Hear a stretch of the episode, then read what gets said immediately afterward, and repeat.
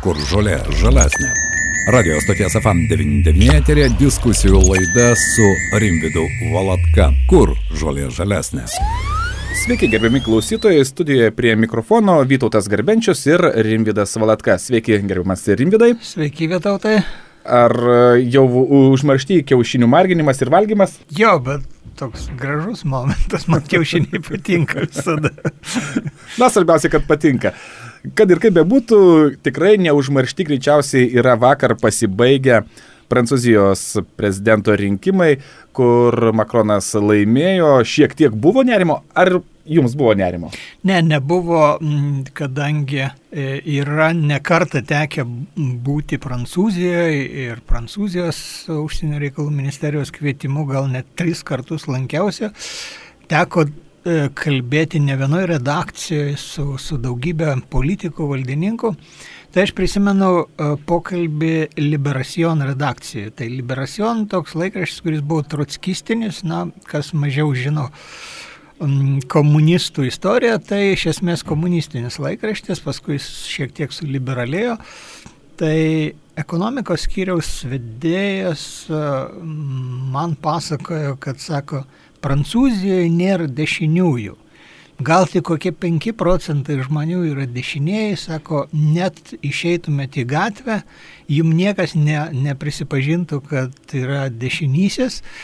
Todėl mano tokių įsitikinimų ir iki rinkimų, iki šių, iki anų ir taip toliau, buvo toks, kad Le Pen yra neišrenkama. Na, galėčiau taip labai šiurkščiai palyginti Ta panašiai kaip Lietuvoje, tarkim, nu, negalima lyginti Le Pen su Landsbergiu, bet Landsbergis yra neišrenkamas į prezidentus, ar ne? Tai Le Pen yra dar labiau neišrenkama. E, klausimas, kiek ji gali surinkti balsų, ar ne?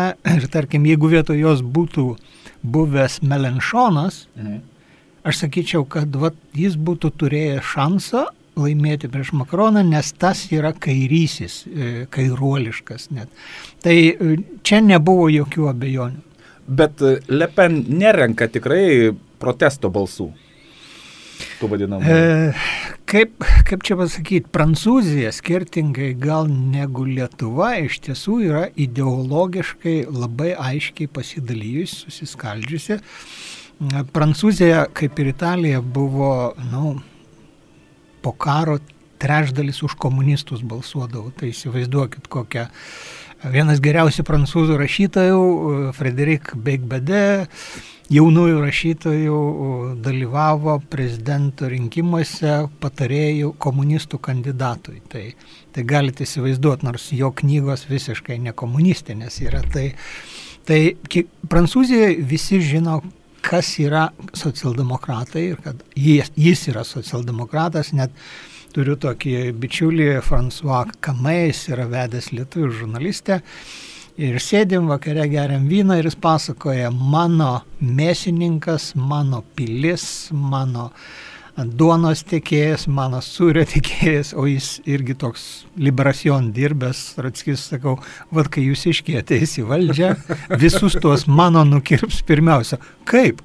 Taigi mano, bet, bet jis save laiko socialdemokratu, socialistu ir už jokius kitus dabar jis priverstas balsuoti sukandęs dantis už Makroną, ar ne? Kodėl? Todėl, kad Le Pen jo e, sąmoniai apskritai nėra vietos, netelpa ten ir dauguma kairiųjų eina gelbėti demokratijos, prancūzijos demokratijos, kad, e, reiškia, Le Pen neprasiverštų į valdžią, nors turbūt jeigu Lietuvoje įsodintume Le Pen va tokią, kokia jį yra į mūsų ideologinę skalę, ji tikrai nebūtų pači, pati radikaliausia, turbūt koks puteikis būtų gerokai į dešinę nuo jos gražulis ten ir, ir, ir, ir daugybė kitų veikėjų. Bet kalbant apskritai apie radikalus e, dešiniuosius, pastaraisiais metais tai tikrai jie stiprėja. Kodėl taip? Todėl, kad demokratija nėra duotybė, nėra iš Dievo visiems laikams. Ir žmonės apskritai nusivylę demokratiją, nes, na, imkim paprasčiau, biednų visada bus daugiau negu turtingų, ar ne? Dešinieji yra turtingų ir, ir, ir pakankamai gerai gyvenančių rinkėjų politikai, ar ne? Vadinasi, e, kitiems lieka kairieji, socialdemokratai, pusiau centristai ir taip toliau. Bet socialdemokratai atėję į valdžią, jie irgi supranta, kad jeigu kelsi revoliuciją, atimsi iš tų, kurie dirba, kurie turi, tai valstybė sugrius vieną dieną ir jie priversti taikytis prie to, kas yra. O jų rinkėjams atrodo, kad turėjo atimti, padalinti, pridėti jiem prie algų ir to viskas baigti. Tada ateina nusivylimas ir staiga iššoka, na, iš vienos pusės fašistuojantis, iš kitos pusės trotskistai visokie markūzininkai, komunistai ir taip toliau. Ir sako, kad mes tikrai jum padalinsim. Tai Lepen irgi sakė, aš jūs padarysiu turtingus, vat visiems visiem duosiu. Na ir tada žmonės renkasi tuos, kurie garsiau reikia, garsiau šaukia. Ir natūralu, kad, kad sakysim, net ir vat, Lenkijoje, kodėl um, pravai spravedlyvas dvi kadencijas turi, uh, turi, turi daugumą Seime, todėl kad jie iš esmės atėjo su tokia uh, populistinę, kairiąją, socialistinę ekonomiką. Būdami dešinieji, ar ne, jie pradėjo vaiko pinigus ten didinti be galo, tą, tą duoti.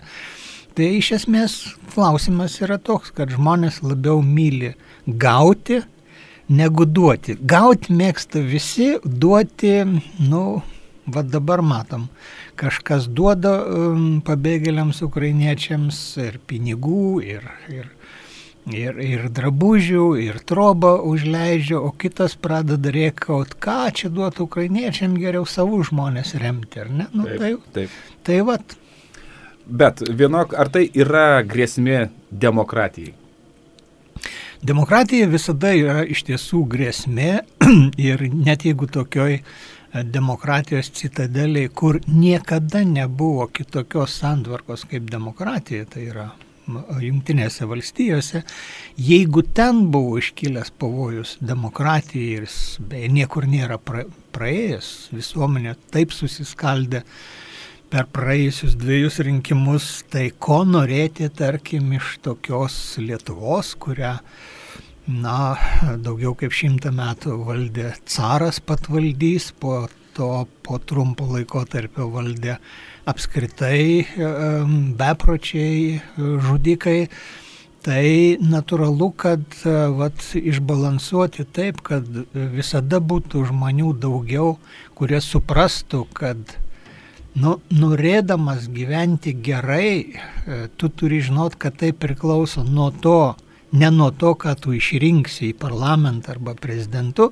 o nuo to, kaip tu dirbsi, kiek tu mokysies kiek tu ilgai ir daug ir išmaniai dirbsi, tai kartais pavyksta tą išlaikyti, kartais nepavyksta ir užtenka labai nedidelės, kartais, nu, kaip pasakyti, šitie, kurie nori uzurpuoti valdžią, jie, jie yra labai išmanus ir netarkim, juk nei Hitleris, nei Putinas, nei Lukašenka, netėjo perversmo keliu į valdžią. Juos visus išrinko tikrai demokratiniuose ir pakankamai laisvuose rinkimuose ir tik po to jie... Jau po, pradėjo gniaužti. Jie, sakysim, Hitleris iškart padarė, nes na, rėmėsi mm, juodmarškiniais, jų būreis.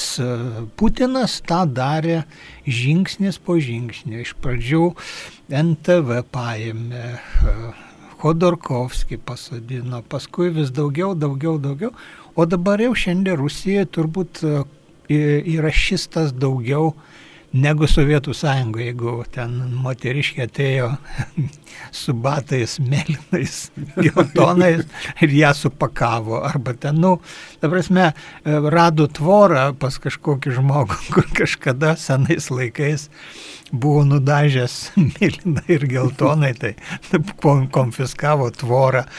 Tai vat, vat tas, tas, tas visada yra pavojus ir laisvę mylinti žmonės neturėtų šito dalyko pamiršti. Neturėtume mes pamiršti, turėtume nuolat, nuolat kalbėtis apie tokius dalykus, o mes kažkaip irgi įsivaizduojam, kad demokratija, nu, čia jau atėjo demokratija ir visiems laikams belieka tik vis geresnius išsirinkti. Įsivaizduojam, kad demokratija tai jau savotiškas saugiklis, kad viskas bus visada gerai, ar ne? Ir, ir mums kaip ir nereikia jaudintis dėl nieko. E, be jokios abejonės, kad va, tas pavojingas yra užmygimas, kaip bet koks užmygimas yra pavojingas, e, bet, bet koks pavojingas e, to paties žmogaus rinkimas į aukštas pareigas daug kartų, ar ne? Todėl visur yra cenzai, yra du kartai ten arba du kartai iš eilės. Tai viena, bet ir, ir visada reikia labai atidžiai žiūrėti, ar žmogus, kuris siūlo tau ką nors duoti, ar jis turi realų planą, kaip tą galima padaryti, nes pavyzdžiui, na, sakysim, Putinas, tai, nu, dabar jau aišku, kad ne tik neduoda, jis atima viską, ką Rusija turėjo, nes Rusija iš esmės didžiausias naftos eksportuotojas iš trietuko pasaulio, dujų, dujų turi, tai iš principo buvo galima rusų gyvenimą padaryti, nu, gal ne kaip Saudo Arabų ar Emiratų jungtinių lygio, bet iš principo nuo šiandien rusai turėjo turbūt gyventi 2-3 kartus turtingiau negu mes lietuviai. Iš naftos ir dujų ir, ir metalų ir taip toliau. O realiai yra taip, kad šiandien Rusijos vidutinė alga yra iki dabartinio, iki šio rublio kritimo buvo 500 su kažkiek tai eurų. Tai jeigu ne, neklystu, pas mus mi, minimali alga yra 730 šiandien. Tai, tai vad ką gali padaryti uh, diktatorius, uzurpavęs valdžią. Ir, reiškia, staiga paaiškėjo, kad visi pinigai eina jachtoms, keistoms, keistiems rūmams po milijardą ir taip toliau. Na, bet dar grįžtant prie rinkimų Prancūzijoje. Vieni rinkimai įvyko, dar laukia gal net svarbiausi rinkimai, tai parlamento rinkimai. Ir čia bus labai įdomu. Tai labai charakteringas buvo trečioji vietoje likusio kandidato Melanchon pasisakymas, kodėl vis dėlto jis siūlė savo šalininkams eiti balsuoti už Makroną. Kiek buvo dar svarbu tas būtent jo palaikymas? Manau, kad šiek tiek kokį procentą kitą turėjo, nes paprastai žmonės renkasi ne pagal tai, kaip jų vadai sako balsuoti, bet, bet aš manau, kad charakteringas maždaug, kad jei būtų Le Pen, tai aš negalėčiau tapti premjeru, o prie Makrono aš galėsiu. Vadinasi, yra tikrai didelė tikimybė ir čia jau uh, tikimybė, kad Makrono pra, partija pralaimės rinkimus yra labai didelė ir ateis kažkurie tai socialistai. Tai, tai aišku, tada paties prancūzų prezidento vaidmo smarkiai sumažėja, nes uh, nors jis yra stipresnis už Lietuvos prezidentą pagal konstituciją, bet uh, bet nėra toks stiprus, kad galėtų valdyti be a, nacionalinės asamblėjos pritarimų. Beje, ir Amerikos prezidentas irgi be kongreso pritarimų netiek jau daug galių turi. Mūsų prezidentas už tą aukštesnis. Taip. Na, o dabar nuo pasaulinės politikos aš vis tiek dar kitoje antroje mūsų pokalbio dalyje noriu šokti į Lietuvos politinę kultūrą Ir kadangi artėja, na ir aš įsivaizduoju, kad su kiekvienu mėnesiu tas pagreitis vis didės savivaldos rinkimai. Ir politinė kultūra. Bet jau ne tik apie savivaldą kalbant, ir apie e, politinės partijas, ir Seime, ir, ir kiekvienose, ir prezidentūros rūmose. Sakykit, mano akim paprastai žiūrint, aš nesu ten e, politikos ekspertas, bet man atrodo, kad mūsų šalyje politinė kultūra yra kažkur pabėgusi. Kaip čia pasakyti labai, e, e, jeigu sportiniais terminais matuotume, tai tarkim labai lengva yra nustatyti, kas yra šuolio į tolį arba į aukštį arba su kartim čempionas. Tas, kuris iššoko pusę centimetro aukščiau. Matas nušoko. paprastas. Taip. O dailusis čiožimas, netgi boksas, ar ne, jeigu tu nepasiunti į, nok, e, į nokautą varžovo, tai trys ar kiek ten teisėjai sprendžia, kuris daugiau smūgių sudavė. Ir dažniausiai, ir dažniausiai būna visokių keistų interpretacijų. Tai su politinė kultūra yra, nu, koks yra matas, ar ne? Tai matų yra labai daug ir kartu nėra ne vieno universalaus. Tai, tai sakysim, na, iš vienos pusės aš sakyčiau, kad jeigu lygintume taip 25 metai atgal, tai ta kultūra yra daug išaugusi, išaugusi nes dauguma politikų jau moka kaip kalbėti, kaip rengtis, kaip atrodyti, kaip neprisidaryti bėdos. Yra ir kitokių, ar ne? Bet tuo pat metu yra atėjęs toks dalykas, čia jau yra tinklaveikos visuomenės rezultatas, per pastaruosius 15 metų paaiškėjo, kad anksčiau politikai stengiasi, nu maždaug įtikti visiems, maždaug jeigu tave kritikuoja, yra blogai, tu negali blogai elgtis, nes tu nepatiksi rinkėjams. O dabar staiga jie suprato, o įtikti visiems nereikia. Man reikia įtikti tiem, kurie balsuoja už mane, savo burbului, ar ne? Ir tada tu nors skolą tašyk ant galvos, jis, jeigu jis žino, kad jį, tarkim, alitui remia ir rems, arba druskininkose, kaip meras Malinauskas yra, jis gali dėti skersą ant visų kritikų, ant visų kitų. Ši... Matijo Šaitis gali dėti skersą?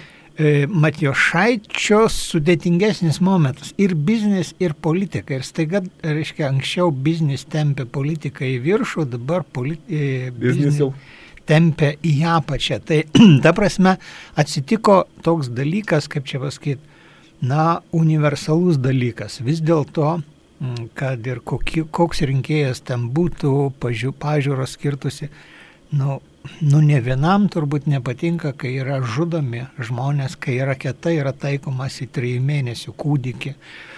Tai šiuo atveju Matijošaitis vat ir prametė tą momentą, kai kartais reikia žiūrėti, ką visi galvoja, ne tik taviškiai, ar ne, nes gali pa paaiškėti, kad tu saviškių nebe, nebeturi. Tai va šitoj vietoj tas numojimas rankai, kritika, žinojimas, kad tu man parašyti, tu gali tyrimus penkis atlikti, įrodyti, kad aš esu vagis, ar ne, bet jeigu aš turiu savo rinkėjų ratą, tu man nieko nepadarysi, mane vis tiek išrinks. Tai čia yra politinės kultūros kritimas kaip ten grindjuoste, ne, grindjuostės lygis jau yra pasiektas. Kur žolė žalesnė. Dabar dar man labai įdomu, kaip jums atrodo, ar ta politinė kultūra eina nuo viršaus į apačią ir iš apačios į viršų. Pavyzdžiui, na, nuo viršaus turiu menį, kai prezidentas pasako, aš neskaitau spaudos, e, Seimo narys iš tribūnos pasako, užsičiauptų asilę, o, o iš kitos pusės, iš apačios turiu, kai savivaldos, savivaldybių merai irgi kartais nesirenka žodžių, na, tarybos posėdžiai būna tokie, kad Dievėdėjas. E, fizikoje yra toks susisiekiančių indų dėsnis, ar ne, kad nesvarbu, kiek e, būtų įpilta į vieną indą vandens, jeigu a, jis turi ryšį su kitais dviem ar trim indais, visuose induose vandens lygis bus vienodas. Tai žinoma, prezidentas gali pasakyti, kad jis neskaito, a, ką rašo žurnalistai, tik šalyje, kurioje jam bus už tai atleista. Ta prasme, jeigu kitą dieną prie prezidentūros susirinktų 20 tūkstančių žmonių ir pareikalautų prezidento atsistatydinimo, joks uh, save gerbintis politikas tokiom, tokių nesąmonė nešnekėtų, ar ne? Skaito jisai. Tai kitaip sakant, jis pamelavo visuomenį, norėdamas pasirodyti tuos visuomenės akise kietas. Jis skaito uh, labiau, e, daugiau negu reikėtų prezidentų ir ypač skaito tuos, e, kurie iš jo šaiposi. Tai čia yra, nu, galima ranką duoti, nukirsti. Tai kitaip sakant, meluojantis prezidentas būtų nepriimtinas a, visiems. Tai va šitas ir yra, kiek visuomenė leidžia nepadoriai, nepagarbiai ir neįstatymiškai elgtis politikams visuomenė daug leidžia. Kaip dabar galvojate, įdomus dalykas, aišku, čia jau ne politika, čia teisės sauga. MG Baltic bylos toks pirmasis teismo sprendimas, aš kažkaip galvoju, kad bus vis tiek toliau apskūsta. kiek suduos smūgį? Na, manau, kad ir politikam, partijom, kai kuriuom, mm, gal ir visom, bet ir teisės saugai. Ar atleisiu? Aš pridėčiau daugiau ir visai mūsų Lietuvos demokratijai, tai yra tragedija, ką tas teismas padarė. Aš supratau, aš maniau, kad iš tikrųjų nebus a, tokių didelių bausmių, kaip prokuroras prašė. Septyneri metai, ten septyneri e, partija paskelbtų, aš maniau, kad partijas plus minus išteisins E, daugumą ten tų veikėjų irgi išteisins, kurie buvo prijungti, aš nežinau, kam reikėjo tas bylas jungti, kad ilgiau svarstytų. Šešerius metus trukusi byla tai yra siaubas jau vienas. Bet aš tikėjau, kad Masiulis, Kurlenskis tikrai gaus realias bausmes. Tegu metus, tegu pusę, tegu pusantrų, bet kad gaus realias bausmes kai jie buvo išteisinti, staiga aš pradedu, žiūriu pro langą ir galvoju, taip lau, dėžutės pasirodo nebuvo. Bet aš žinau, kad dėžutė buvo. Ir sužymėti pinigai. Tai buvo. kitaip sakant, aš pajut, pasijutau šizofreniškai skilęs. Aš žinau, kad ži, dėžutė buvo, teismas nusprendė, kad dėžutės nebuvo, o Lietuvoje teisingumą pagal konstituciją vykdo teismas. Tai čia, čia yra tragedija už tai mes mokėsim, mūsų visuomenė ir taip yra netikinti žmogum, netikinti valstybę, netikinti institucijomis, tai tas netikėjimo laipsnis, na, dabar turi konstantą, tai yra e, teismas, mhm. kuris pasakė, kad dėžutės nebuvo, jisai įveda konstantą nepasitikėjimo dar didesnį, baisu kiek tas nepasitikėjimas ir padeda tokiem kaip Petras Gražulis, e, kuris gali išnekėti bet ką. Bet ką. Na jis tai ir daro. O, tai, tai čia yra kaip, kaip trašos, ar ne? Trašos va tokiems veikėjams, nes jis šiais gali pasakyti, va, kur gaidį pavogė, pasodino trijiem metam, kur, kur 106 tūkstančius paėmė, nepasodino niekur. Arba net kai kurie su celofanu lygina, o celofaną tai pasodino už kažkiek ten, ten o, o masiulio tai nepasodino ir taip toliau. Tai čia yra dalykas, kur, nu, kur tu negali rasti jokių argumentų. Ten gerai, keli advokatai bandė rasti, aš tą teisinę, logiką, e, mąstymą suprantu, bet e, prisimenu, kaip kažkada Amerikos prezidentas Carteris po to, kai e, Sovietų sąjunga aiškina, kad Afganistane įvyko socialistinė revoliucija, jis jungtinių tautų tribūnoje pasakė tokius žodžius, nesityčiokit iš sveiko proto. Tai šiuo atveju teismas gal ten pagal kodeksus išvedė viską ir gerai, bet jis pasityčiojo iš sveiko proto, o šiaip jau teismų praktikoje galioja sveiko proto principas. Vadinasi, šitas principas buvo palaidotas. Kiek jums, na nežinau, kaip jūs įvertintumėte apskritai, e, Seimo pirmininkės Viktorijos Čimilytės Nilsen, kai buvo paskelbtas nuosprendis, tą e, jos parašymą Facebook'e, socialiniam tinkle, kur po to jau jį koregavo, koregavo, na, bandė jau kažkaip apgludinti viską praleido progą patilėti. Tai partijos, kurios lyderis, jos pirmtakas beveik, kurios lyderis paėmė kyšį ir ėmė ne kartą tuos kyšius, nors dabar turbūt nebegalima taip ne, sakyti, taip, ar ne?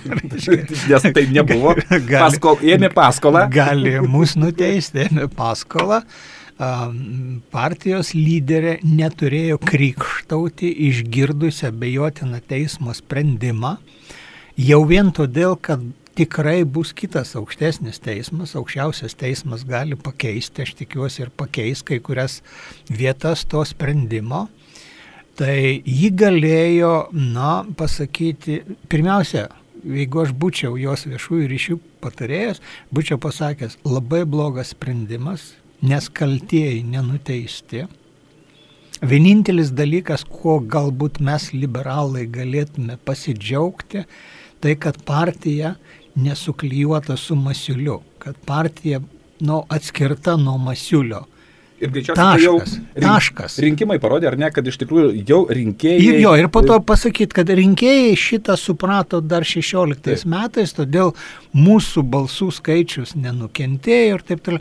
O dabar toks krikštavimas, kaip, e, kaip čia gimnazistė baigė ab- abitūros egzaminus ir lėkė ant palangos tilto pareičiais pakrikštaut saulės susitikti. Tai, tai iš esmės, vat, prie tos teismo sprendimą dar neskanesnis buvo tas pakrikštavimas. Na ir pabaigoje vis tiek dar grįžtant prie artėjančių, na, dar aišku, jie yra metai iki savivaldos rinkimų. Kaip manot, kiek išlys radikalių tokių visokių mm, darinių? Aišku, savivaldoje su radikaliom pažiūrom kažkur toli gal ir nenuvažiuosi. Aš sakyčiau, kad dabar gali būti tam tikras sugrįžimas prie, prie ištakų, todėl kad dviejai rinkimai buvo, kai ėjo komitetai, ar ne? Komitetai, aš čia nesu kuo, jokiai partijai nepriklausau. Asmenybė savotiškai nesakyčiau. Jo, bet, bet, bet nu, per dvi kadencijas paaiškėjo, kad tie komitečikai nelabai geresni nei korupcijos ten požiūrių, nei geresnio valdymo požiūrio, tai gali būti, kad partijos, jeigu pasinaudos va, tuo momentu ir ras tinkamų žmonių, ypač į merų pozicijas, tai gali susigražinti dalį pozicijų. Bent jau tuose vietose, kur, tarkim, dvi, dvi kadencijas iš eilės komitetai e, na, pagadą darė. Tai čia toks yra spėjimas, hi- hipotezė, kurios negalėčiau paremti jokiais skaičiais, bet man taip atrodo, kad dažnai nu, yra vėlgi fizika, ne, yra veiksmas ir yra atoveiksmis. Tu gali išdurti e, netikėtumo faktorium pasinaudojęs, ar ne, fin, fintą panaudoti, ar ne, tiek futbolai, tiek krepšiniai yra tokių vietų, bet e, antrą kartą patyręs gynėjas ant to paties finto nepasimaus, reiškia, jau žinos, nu, kaip yra krepšiniai, Taip, ne, jeigu metikas yra kairė rankis, nu, tai neleisk verštis į kairę, ne, varyk jį į dešinę, tegu jis meta silpnesnę dešinę ranką arba, arba priešingai. Tai šiuo atveju aš taip spėju, kad, kad komitetų klėstėjimo metas turėtų baigtis.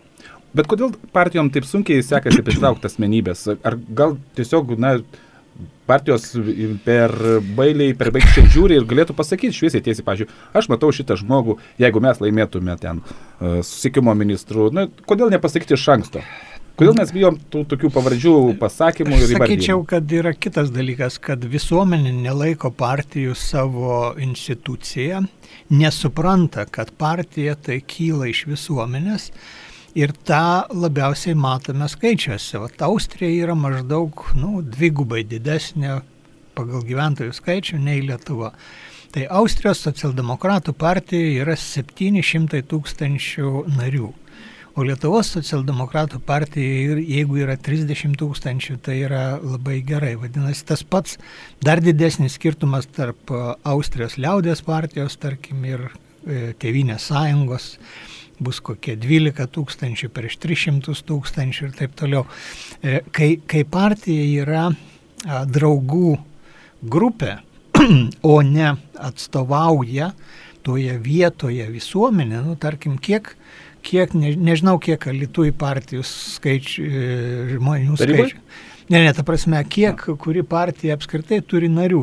Bus 50, 150, 200, tai prie 50 tūkstančių gyventojų, nu tai yra niekis, ar ne? Ir todėl partija negali generuoti gero, uh, gero lyderio, todėl kad iš mažai mažai ir gaunasi, tik iš daug gauna, gali gautis daugiau. Tai vat, vat tas dalykas yra, kol visuomenė nedeleguos į partijas pati žmonių ir negalės daryti spaudimo partijai. Ir ne, kai yra grupė, pavyzdžiui, valstiečių, į valstiečių partiją sunku įstoti, nes Karbauskis nenori didinti narių skaičių. Jeigu tu dvigubai padidinsi, tu prarasi įtaką, nebegalėsi kiekvienam nurodyti, kaip jis turi elgtis, kaip turi balsuoti, o tik visuomenė gali ateiti ir pasakyti, pavyzdžiui, nepatinka man meras, ar ne? Ir yra socialdemokratų partija, Lietuvai, tarkim, kur, kuri turi, nu, 10 tūkstančių narių, ar ne, pavyzdžiui.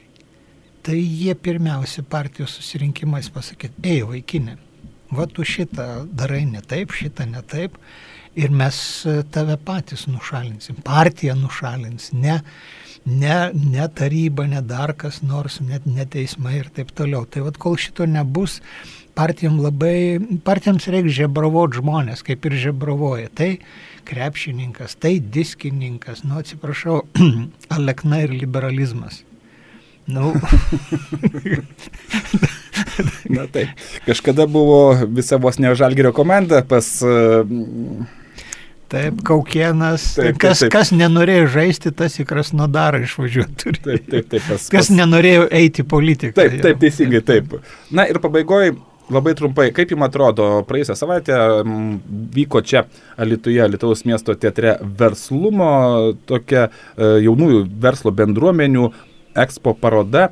Ir mes kalbėjome su organizatoriumi ir išsakyta buvo mintis, kad labai gera yra linkme einama, kad yra kalbama ir atsiranda e, verslo mokymas jau mokyklai, politikos mokymo. Reikėtų didesnį. Politologija yra, bet tai yra visai kas kita. Politikos. Man teko stebėti debatų, debatus prieš mėnesį porą, e, būtent kur e, vyko Adolfo Ramanausko Vanago Lietuvos gimnazijoje debatai tarp Adolfo Ramanausko Vanago gimnazijos moksleivių ir mokinių, kurie buvo atvykę iš įvairių Europos šalių ir jie ten vyko debatai apie ekologiją, apie taršos mažinimą ir buvo labai gražu žiūrėti, kaip jaunimas moka gražiai išsakyti savo nuomonę, apginti, na ir po to jau priimti galbūt tam tikras pastabas. Uh. Be jokios abejonės, kad tas mok... aš ne, nesu įstikinęs, kad tai turi būti labai formaliai, kad turi būti tokia pamoka ar taip toliau, bet aš manau, kad uh, neturėtume slėpti savo politiškumo, neturėtų slėpti direktorius mokytojai ir ne mokytojai, vaikai turi žinot, kad vat, jų mokytojas yra socialdemokratas, pažiūrėjau, arba jų mokytojai yra konservatoriai, liberalė ten ar, ar valstietė. Uh, Ir tas mokytas neturėtų keršyti, jeigu jis socialdemokratas liberaliam vaikui ir, ir priešingai, bet jie turėtų diskutuoti, jie turėtų išnaudoti tą įtampą, kuri yra geram dalykui. Aš tiek galiu pasakyti, kad su studentais, kadangi dirbu jau kokius šešerius metus, Ir taip pasižiūri, visada pasižiūri vertindamas darbus, į Facebooką užmetu akį, į Instagramą, nu, kad daugiau sužinotum, kas per žmogus. Ir, tai, ir, ir tokią tendenciją pastebėjau, kad e, aukštesnio lygio yra tie studentų darbai, kurie, pažiūrėjau, pasižiūrėjo, li, jaunųjų liberalų narys, jaunųjų socialdemokratų, jaunųjų konservatorių ten kažkoks narys, jų visai kitoks mąstymas. Ir jie, jie, kaip čia pasakyti, jie realiau supranta šitą pasaulį, supranta, iš kur pinigai ateina, kaip tie pinigai, na, paimami iš dirbančių, išleidžiami ir taip toliau. Tai, bet e, paprastai tokių studentų yra mažuma. Tai, tai man kartais norėtųsi, kad nu, nu kur būt E, kur daugiau būti politizuotam ar ne politiškai veikti, negu ne studentui. Ne? Nes tu turi eiti demonstruoti, visur pasaulyje demonstruoja, tai pirmiausia, studentai išeina į gatves.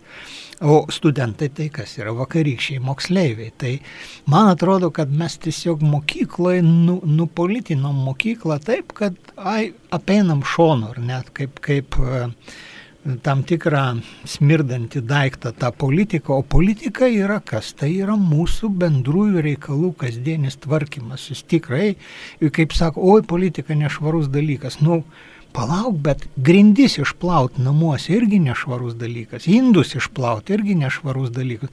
Tai toks yra mūsų gyvenimas, bet mes plauname ar ne indus, nepaliekame kreuklėje, tai lygiai taip pat ir su politika turėtume daryti. Aš tikiuosi, kad per būtent pirmiausia vyks savivaldos rinkimai, tai va galbūt irgi tai bus vienas iš tų žingsnių, kada bus kritinis vertinimas ir mes galėsim išsivalyti, būtent apsivalyti ir parodyti, kad, na, esam politiškai šiaip subrendusi visuomenė. Tai brestam, Brestam. Na, bent jau brestam. Tai va, prie mikrofono buvo Rimidas Valatka, ačiū Jums. Ir, ačiū Vytautai. Ir Vytautas Garbenčius. Kur žolė žalesnė. Diskusijų laida su Rimidu Valatka. Kur žolė žalesnė.